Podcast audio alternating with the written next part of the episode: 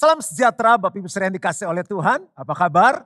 Berapa banyak yang siap untuk belajar firman Tuhan pada hari ini? Yang siap katakan amin dan mari kita sambut firman Tuhan dengan tepuk tangan yang paling meriah. Karena firman Tuhan luar biasa dan berkuasa. Kita akan menyambung kembali pelajaran kita tentang more of God. Dan kali ini adalah bagian yang keempat tentang gift. Gift atau bahasa Indonesianya hadiah itu bicara mengenai talenta, bakat, karunia yang Tuhan berikan dalam hidup kita. Nah, apa hubungannya gift, hadiah dengan more of God? Kalau kita punya pengertian yang benar tentang karunia yang Tuhan berikan, kita akan mengalami Tuhan lebih lagi. Saya akan bagi firman Tuhan ini dalam dua bagian. Jadi yang pertama tentang tiga jenis orang. Nah kita nggak boleh jadi tiga jenis orang yang nanti saya akan ajarkan. Dan juga ada tiga jenis kesalahan yang suka dilakukan oleh orang berhubungan dengan karunianya. Nah kita jangan melakukan kesalahan ini. Dan kalau kita menghindari menjadi tiga jenis orang ini, tidak melakukan tiga kesalahan ini, kita akan benar-benar mengalami more of God di dalam karunia, bakat, dan talenta yang Tuhan berikan. Nah sebelum saya mulai lebih dalam, kita tentunya akan membaca ayat yang menjadi ayat kunci dalam khotbah seri ini. Efesus 3 ayat 20 sampai 21. Semangat! Bagi dialah yang dapat melakukan jauh lebih banyak daripada yang kita doakan atau pikirkan seperti yang ternyata dari kuasa yang bekerja di dalam kita. Bagi dialah kemuliaan di dalam jemaat dan di dalam Kristus Yesus turun-temurun sampai selama-lamanya. Amin. Nah saya akan coba menuliskannya. Tema kita adalah more of God. Ini bagian yang keempat tentang gift. Ini saya singkat menjadi MOG, more of God. Nah untuk kita bisa mengalami more of God, firman Tuhan mengatakan bagi dialah yang dapat melakukan jauh lebih banyak daripada yang kita doakan atau pikirkan. Dalam bahasa lain, misalnya bahasa Inggris dikatakan imagine atau dream. Seperti yang ternyata dari kuasa yang bekerja di dalam kita. Di dalam kita sudah ada kuasa. Dan ayat 21 dikatakan bagi dialah kemuliaan di dalam jemaat dan di dalam Kristus Yesus turun-temurun sampai selama-lamanya. Amin. Tujuan kita belajar dan mengalami more of God adalah supaya kita bisa memuliakan Tuhan. Memuliakan itu menyenangkan memuliakan Tuhan. Tuhan dimuliakan for God's glory. Nah ini yang selalu saya bahas di awal khotbah seri ini supaya kita terus ingat akan kebenaran ini. Firman Tuhan dalam Mazmur 147 ayat 4 mengatakan, Ia Tuhan menentukan jumlah bintang-bintang dan menyebut nama-nama semuanya. Saya ulangi ya.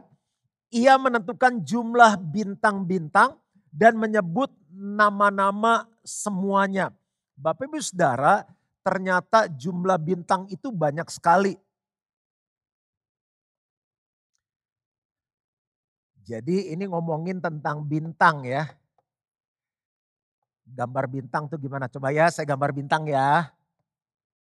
Ah misalnya gini bintang itu jumlahnya ada 300 sextillion. Coba ya. 300 sextillion stars. Bapak Ibu kan juga jarang dengar. Saya aja waktu belajar ini nggak pernah dengar. Ini jenis martabak atau makanan apa? Enggak. Sextillion itu nolnya ada 21. Uh, Keren amat. Jadi kita coba ya. Ini jumlah bintang. Alkitab bilang ia menentukan jumlah bintang-bintang dan menyebut nama-namanya semuanya. Coba. Ini 300. Nolnya 21 ya. 1, 2, 3, 4, 5, 6, 7, 8, 9, 10, 11, 12, 13, 14, 15, 16, 17, 18, 19, 20, 21. Nah jumlah bintang ada segini. Ah biasa pastor, wah cuma segini 300 sextillion stars. Tapi yang dahsyat adalah dan menyebut nama-nama semuanya. Ayo, punya anak 10 aja bingung kasih namanya apa. Aduh, anak saya yang ke-9 siapa yang namanya gitu lupa. Tapi ini Tuhan tahu semua namanya. Apa hubungannya bintang sama kita? Manusia jumlah penduduk dunia per 2021 bulan Februari ada 7,7 miliar. Miliar tuh nolnya berapa ya? 7,7 miliar. Bayangin ya, ngafalin nama 7,7 miliar aja susah. Misalnya kehadiran dari anak, remaja, pemuda, dewasa. Sebelum pandemi itu bisa maksimum 10 ribu, 11 ribu, 12 ribu. Anggap aja tulis 10 ribu ya biar gampang ingatnya. Ini aja susah. Misalnya 10 ribu jemaat. Gimana ngafalin namanya satu persatu. Tapi dahsyatnya Tuhan 300 sextillion stars. Tuhan tahu namanya satu persatu. Artinya begini, kalau bicara dengan gift, pemberian dari Tuhan, Tuhan gak main-main. Nama bintang aja dia tahu satu persatu. Jadi 7,7 miliar penduduk dunia Tuhan tahu namanya siapa dan waktu Tuhan ciptakan mereka dia tahu gift apa yang tepat untuk si A, si B, si C, seterusnya sampai 7,7 miliar. Lanjut kita baca ayat lagi ya. Ada dua. Yakobus 1 ayat 17. Setiap pemberian yang baik dan setiap anugerah yang sempurna datangnya dari atas diturunkan dari Bapa segala terang. Padanya tidak ada perubahan atau bayangan karena pertukaran. Bahasa Inggrisnya bagus sekali karena pakai gift, kata gift. Every good gift and every perfect gift is from above and comes down from the Father of the lights, with whom there is no variation or shadow of turning. Pakai bahasa apa? Bahasa Inggrisnya every good gift and every perfect gift. Ya. Ayat berikutnya. Layanilah seorang akan yang lain sesuai dengan karunia yang telah diperoleh tiap-tiap orang sebagai pengurus yang baik dari kasih karunia Allah. Ini dari 1 Petrus 4 ayat yang ke-10. Bahasa Inggrisnya pakai kata give. As each one has received a gift minister it to one another as good stewards of the manifold grace of God. Saya ulangi ya, as each one has received a gift. Karena setiap orang telah menerima satu hadiah, satu karunia, satu bakat, satu talenta. Dari 7,7 miliar penduduk yang ada di dunia, masing-masing dapat minimal satu gift dari Tuhan. Haleluya. Adakah kita bersyukur kepada Tuhan? Katakan sama-sama puji Tuhan. Katakan sama-sama terima kasih Tuhan. Jadi kalau begitu setiap kita punya. Masalahnya mungkin kita belum menemukannya. Nah kalau kita sudah menemukannya dan kita memakainya, kita akan mengalami more of God dalam kehidupan kita. Bicara tentang gift atau istilahnya tadi kado ya hadiah. Tadi saya juga nggak bisa lihat, saya sempat tanya siapa yang senang kalau dikasih kado? Ya semuanya seneng lah. Dari anak kecil sampai yang besar seneng banget dikasih kado. Saya sama istri itu seneng banget membelikan orang hadiah. Tentunya dalam eh, pertumbuhan, dalam pertumbuhan, dalam perkembangan jemaat dari sedikit sampai banyak sudah nggak bisa semua kita kasih. Leaders-leaders kita tambah banyak. Menurut catatan volunteer sudah ada sekitar 1.300an volunteers. Sudah ada begitu banyak family cell leaders. Keluarga kita, keluarga saya, keluarga dari istri saya.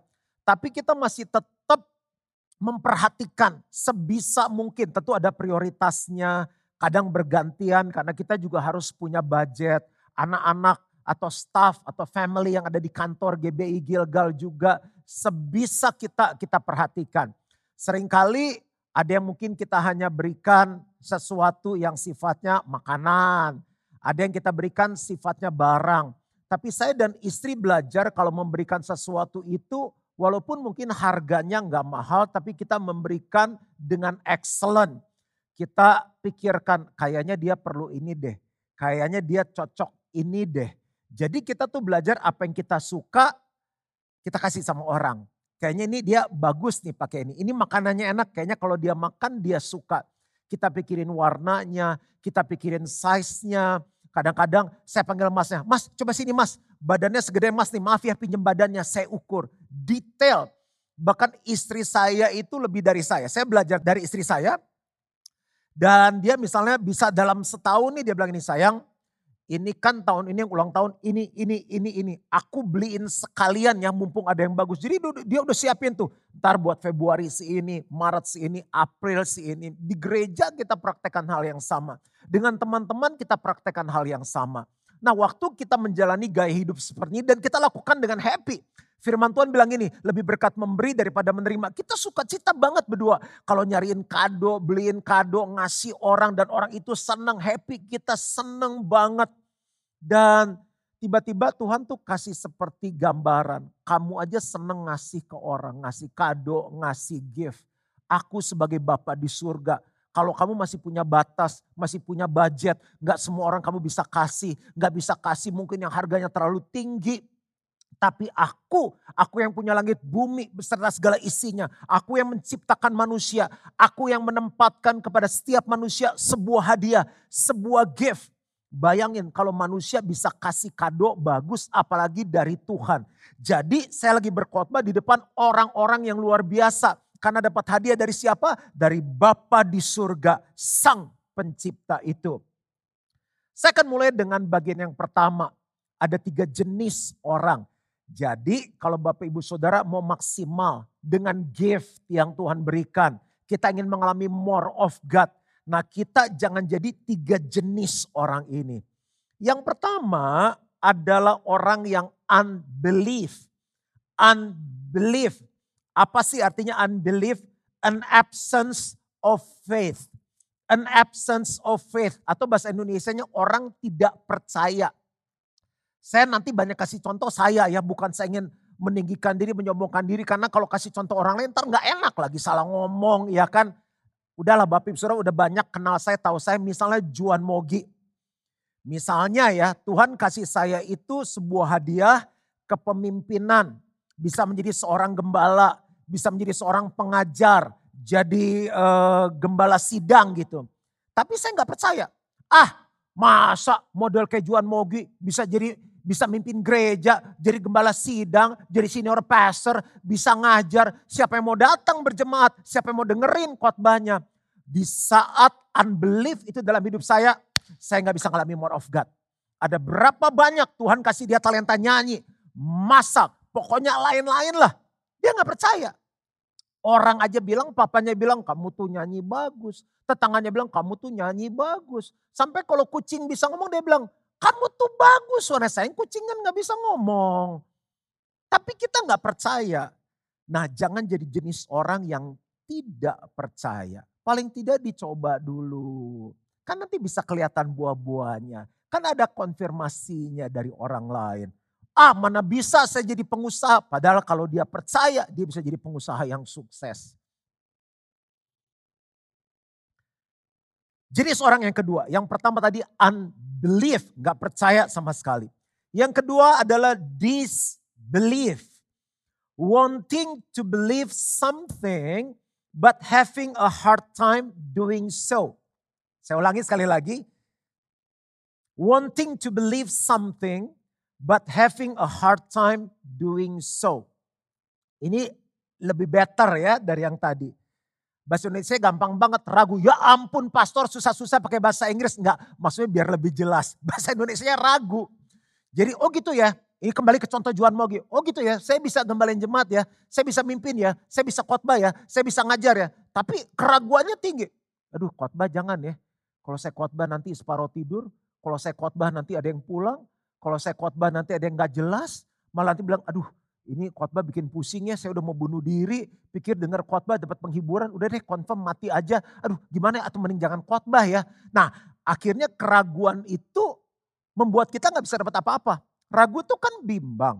Orang bimbang jangan berharap ia mendapat sesuatu dari Tuhan. Dia seperti gelombang yang diomong ambingkan. Ya paling tidak coba dulu, melangkah dulu. Kan ada buah, ada konfirmasi. Jadi tipe orang pertama apa? Unbelief. Yang kedua adalah disbelief. Ini yang ketiga. Misbelief. Apa sih misbelief itu? believing something that is simply untrue. Saya ulangi sekali lagi, believing something that is simply untrue. Artinya gini, salah percaya. Salah percaya. Dia mungkin kebanyakan dengerin orang. Ya nggak salah kan dengan penasehat rencana terlaksana. Tapi saking pengen denger pendapat orang banyak jadi pusing sendiri. Misalnya kembali lagi ke Juan Mogi. Panggilannya uh, misalnya jadi gembala tadi contohnya ya. Jadi gembala, ngajar, khotbah, jadi gembala sidang. Terus saya ngobrol sama orang-orang. Atau orang-orang tahu waktu saya memutuskan mau melayani Tuhan sepenuh waktu jadi pendeta, jadi gembala sidang. Orang-orang bilang ini, aduh model lu kayak pendeta. Nggak bisa lah bro, lu tuh cocok jadi cukong, taipan jadi bos, dagang. Kita mulai ragu, ah Masa sih bener, aduh sayang lagi udah sekolah tinggi, turunan jelas, turunan bagus, tampang, tongkrongan udah ada, masih jadi pendeta sih. Nah karena dengerin-dengerin orang ngomong kayak begitu, akhirnya kita misbelief. Percaya sesuatu yang sebetulnya gak bener. Ayo, siapa yang pernah ngalami seperti itu? Ini ada tiga jenis orang nih. Yang pertama unbelief, yang kedua apa? Disbelief, yang ketiga misbelief. Jangan pernah jadi salah satu dari ketiga orang ini. Kita jadi orang yang percaya bahwa semua pemberian yang baik dan sempurna datangnya dari atas, dari Bapa di surga. Setiap orang telah diberikan minimum satu karunia. As each one has received a gift. Tuhan aja yang ngasih ciptain bintang, ngasih nama bintang, nyebut nama bintang satu persatu 300 sextillion. Itu bintang dia hafal, apalagi manusia yang cuma 7,7 miliar. Dia tahu namanya, Rambut nggak mungkin jatuh tanpa seizin Tuhan. Dan dia sudah menaruhkan pemberian yang sempurna kepada setiap kita. Saya lanjut dengan bagian yang kedua dan ini menutup khotbah saya. Ada tiga kesalahan yang dibuat orang dengan gifts, dengan karunia, bakat, talenta mereka sehingga mereka nggak bisa mengalami more of God. Ya kita jangan lakukan tiga kesalahan ini. Siap? Apakah kita belajar sesuatu? Yang pertama, ini kesalahan ya. Menaruh perhatian kepada gift daripada pemberinya.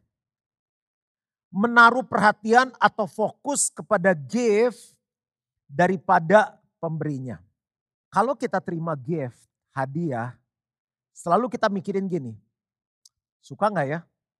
Bagus nggak ya? Ada gunanya nggak ya untuk kita? Ulangi sekali lagi. Kalau kita terima hadiah, selalu yang kita lakukan gini. Hmm, bagus nggak ya? Jelek ah? Nggak suka ah? Berguna nggak ya bagi saya?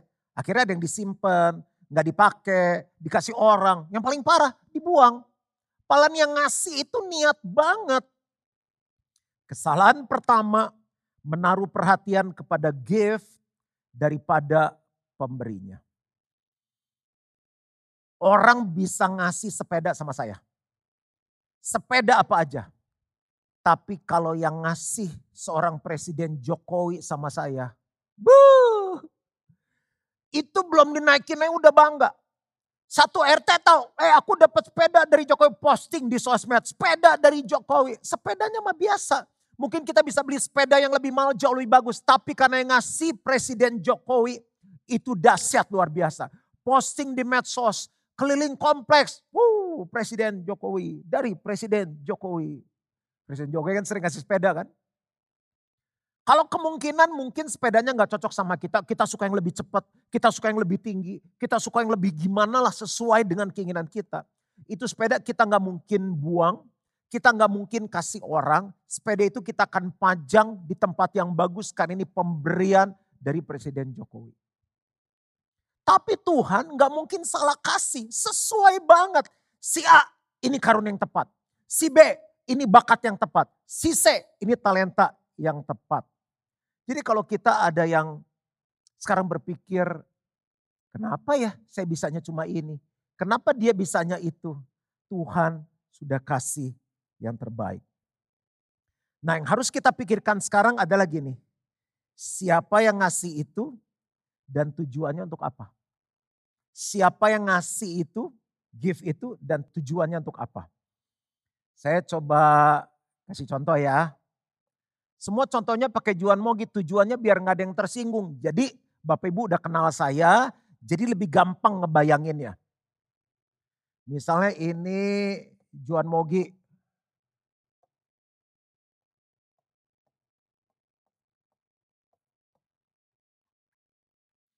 Saya, yang saya temukan sekarang ya, saya diberikan talenta, gift, karunia misalnya sebagai seorang pemimpin gereja. Lalu mengajar. Lalu misalnya memberi. Lalu misalnya seni art. Kalau saya nggak ngerti saya fokus sama hadiahnya dan bukan kepada pemberinya. Di awal-awal saya ketemu bahwa saya dipanggil melayani Tuhan, saya bisa kecewa dan gak ngalami more of God. Karena dulu saya pengennya jadi pengusaha, jadi bisnismen. Jadi saya bilang, ah ngapain mimpin gereja, saya gak perlu. Ah ngajar ngapain, saya gak perlu. Memberi seni, nyanyi, main musik, kreatif, gak perlu. Yang saya pengen adalah bisnis, karunia bisnis. Nah itu saya nggak maksimal. Jadi yang harus saya lakukan adalah kalau ini yang Tuhan berikan, jangan lihat ke sini, tapi yang pertama lihat siapa pemberinya. Pemberinya adalah siapa? Tuhan Yesus. Waktu saya lihat kepada pemberinya saya akan bilang gini, oh Tuhan yang ciptain saya, Tuhan yang tahu yang terbaik untuk saya. Yang terbaik untuk saya adalah saya dapat hadiah untuk menjadi pemimpin jemaat, untuk mengajar firman Tuhan, untuk menyalurkan kreativitas supaya banyak orang diberkati. Saya diberi karunia untuk memberi supaya banyak orang tertolong lewat kehidupan saya. Nah waktu saya tahu siapa yang memberi membuat saya bersyukur. Dan yang kedua adalah tujuan dari gift itu. Kalau ternyata saya pengennya jadi pebisnis, Tuhan bilang yang tepat kamu adalah jadi pendeta. Dan akhirnya semua pebisnis itu nggak ada yang kembaliin mereka. Nggak ada pendetanya. Dan mungkin kalau saya memaksakan diri jadi pebisnis, saya nggak akan menggenapi rencana Tuhan dalam hidup saya. Jadi saya tahu ini yang beri dari Tuhan, nggak mungkin salah. Yang kedua ada tujuannya. Tuhan nggak mau saya jadi pebisnis, tapi Tuhan mau saya jadi pemimpin yang mengembalakan bisnismen, bisnismen. Ini kesalahan pertama yang kita tidak boleh lakukan. Nah jadi setelah saya selamat dari kesalahan ini, saya nggak mau lagi pusing dengan kritik orang lain atau orang lain kasih masukan cocoknya jadi pengusaha, kamu cocoknya ini. Enggak, saya dipanggil menjadi pendeta, menjadi gembala, mengajar firman Tuhan, mengembalakan domba-dombanya Tuhan. Dan waktu saya teguh dengan gift yang Tuhan kasih, saya bisa mengalami more of God dalam perjalanan saya sebagai seorang gembala. Nah ini bisa diterapkan kalau Bapak Ibu adalah pebisnis, ibu rumah tangga, profesional, dan profesi lainnya. Yang kedua, Kesalahan yang jangan kita lakukan supaya kita mengalami more of God adalah membandingkan dengan yang lain. Membandingkan dengan yang lain. Comparison is the thief of joy. Membandingkan itu adalah pencuri dari sukacita. Coba deh saat kita mulai membandingkan sukacita itu hilang. Lebih baik terima ini yang terbaik dari Tuhan dan bersyukur.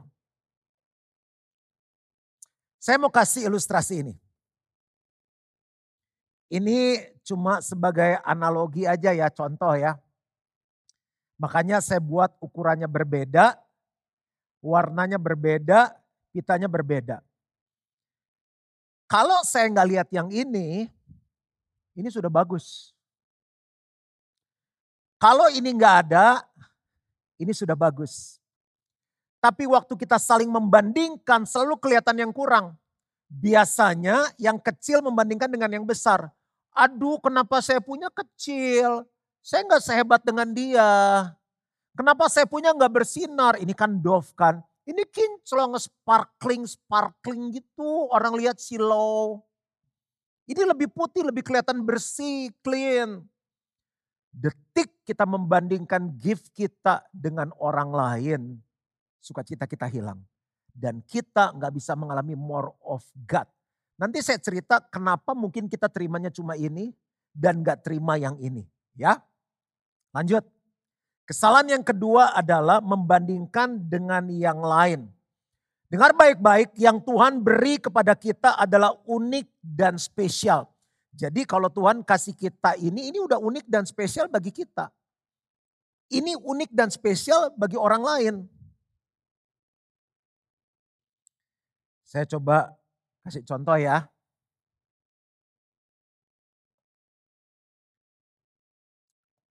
Ini Juan Mogi.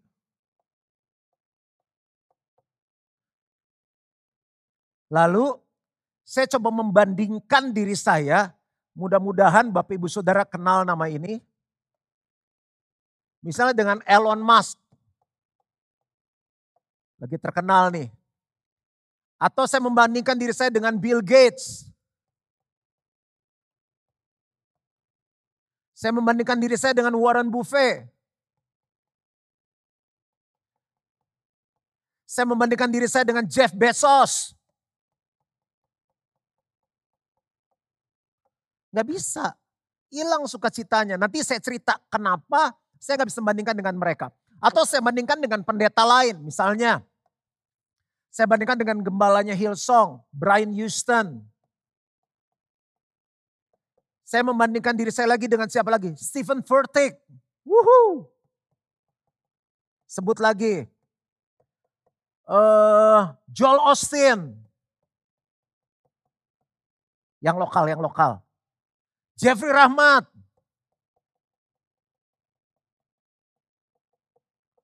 Nah, kalau saya mulai bandingkan diri saya dengan yang lain, ini mencuri sukacita saya. Dan belum tentu kalau saya dikasih yang sama dengan mereka, saya bisa maksimal, bisa mengalami more of God. Saya jadi pendeta seperti mereka, saya jadi pebisnis seperti mereka. Juan Mogi adalah Juan Mogi diberikan karunia, talenta, bakat, gift yang unik dan spesial dari Tuhan. Kenapa kita jangan membandingkan? Karena kita mesti mengerti bahwa setiap gift, setiap panggilan, talenta, karunia itu datang satu paket. Ini gift. Selalu ada tantangan.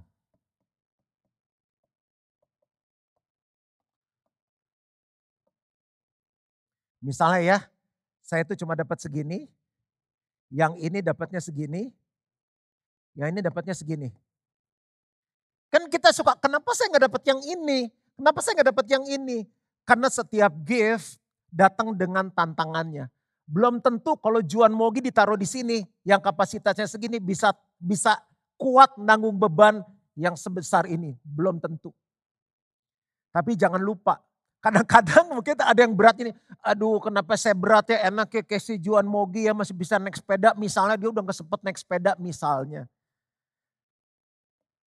Yang kedua ya, ada berkat yang berbeda Masing-masing berkatnya unik.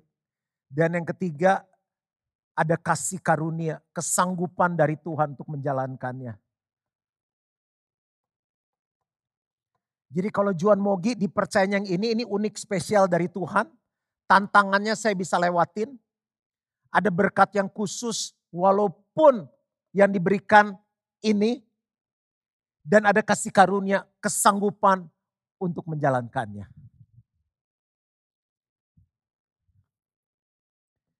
Intinya sederhana, jangan pernah membandingkan gift kita dengan orang lain. Itu akan mencuri sukacita dan membuat kita nggak bisa ngalami more of God dalam hidup kita. Yang ketiga, yang terakhir. Kesalahan orang sehingga nggak bisa ngalami more of God adalah gini. Membiarkan gift, karunia kita menentukan nilai kita. Membiarkan gift menentukan nilai kita. Dengar baik-baik, apa yang kita lakukan gak menentukan siapa kita. Apa yang kita lakukan gak menentukan siapa kita. Ini penjelasan saya yang terakhir, page terakhir.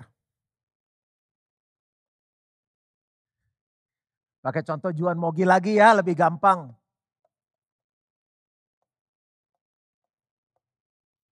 Nah ada banyak orang stres nggak bisa ngalami more of God. Akhirnya pakai kekuatan sendiri, akhirnya stres, burnout, akhirnya putus asa, mandek di tengah jalan. Karena mereka berpikir nilai mereka ditentukan oleh karunia yang mereka miliki. Ada orang yang bangun hidupnya gitu. Oh seneng nih kalau, oh Juan Mogi yang gerejanya di pik itu loh yang gedungnya kayak tiga kardus itu yang kuning. Oh karena gedungnya bagus. Yang kedua yang tapi Bapak Ibu Saudara jangan salah nangkap ya ini cuma contoh. Oh yang khotbahnya bagus itu. Yang suka ada penjara, ada sepeda di panggung, ada motor di panggung, ada perahu di panggung, main air di panggung. Oh, yang keren itu. Oh, yang lucu itu. Dan lain-lain. Jadi sering kali kita tuh merasa berharga karena apa yang kita lakukan. Karena gift kita. Dengar baik-baik. John Mogi akan tua. Mungkin gak sekeren sekarang. Ada saatnya Juan Mogi nggak lucu. Ada saatnya banyak gereja-gereja baru yang gedungnya lebih bagus, yang lebih keren, lebih hype, lebih modern, lebih futuristik, lebih asik, lebih culture. Semua ini redup. Dan akan banyak orang begitu ini redup mereka nggak ngalami more of God lagi dalam hidupnya. Dan mereka di situ stres. Ada istilah post power syndrome. Ada pemimpin-pemimpin yang akhirnya nggak bisa mendelegasikan kepada orang lain. Karena orang memuji, oh dia hebat, oh dia luar biasa. Bahkan sampai mati nggak bisa ada penggantinya. Dia merasa nggak tergantikan, nggak ada yang sehebat dia, nggak se, tidak diurapi seperti dia. Nggak bisa berkhotbah seperti dia, nggak bisa lakukan bisnis seperti dia. Makanya ada banyak juga keturunan kedua ketiga nggak menerusin bisnis bapaknya. Banyak orang menentukan nilainya karena giftnya, karunia talentanya. Ini salah. Ini sementara. Ini akan menurun. Kalau mau mengalami more of God, jangan bangun hidup kita, nilai kita dari apa yang kita bisa lakukan dari gift talenta kita.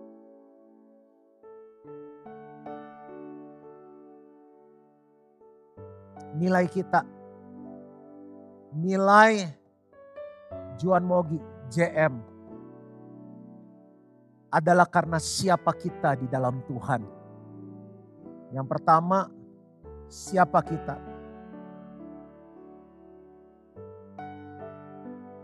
Saya adalah anak dari Bapa di surga. Anak Allah.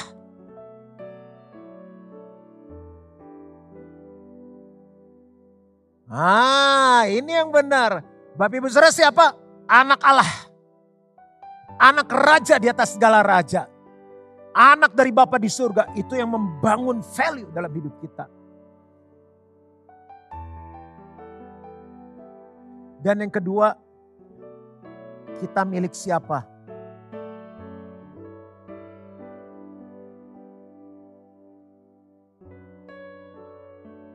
Bapak Ibu Saudara dan saya milik siapa?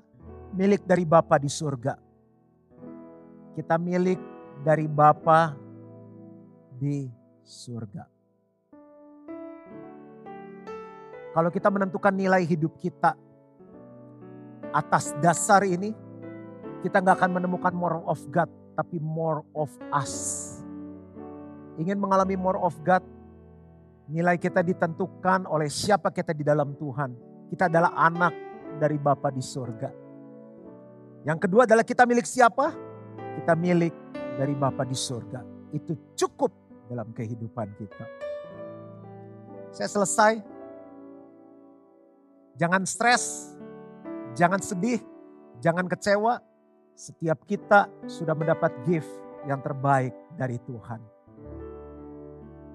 Hargai pemberinya yaitu Tuhan. Temukan tujuannya, Kenapa dia memberikan itu dalam hidup kita?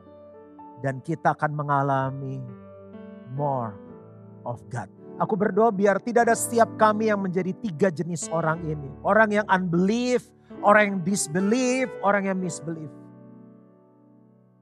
Jangan sampai kami melakukan tiga kesalahan ini. Menaruh perhatian kepada gift daripada pemberinya yaitu Tuhan. Membandingkan dengan yang lain Membiarkan gift menentukan nilai kita. Kami berharga karena kami adalah anak dari Bapa di surga. Kami berharga karena kami milik dari Bapa di surga. Aku berdoa, selesai kebaktian ini mereka menemukan gift mereka yang dikasih oleh Tuhan. Yang sudah menemukan giftnya mereka memaksimalkannya. Mensyukuri, mengembangkannya sehingga jadi berkat bagi banyak orang. Izinkan setiap mereka mengalami more of you. More of God in their life. Di dalam nama Yesus. Amin.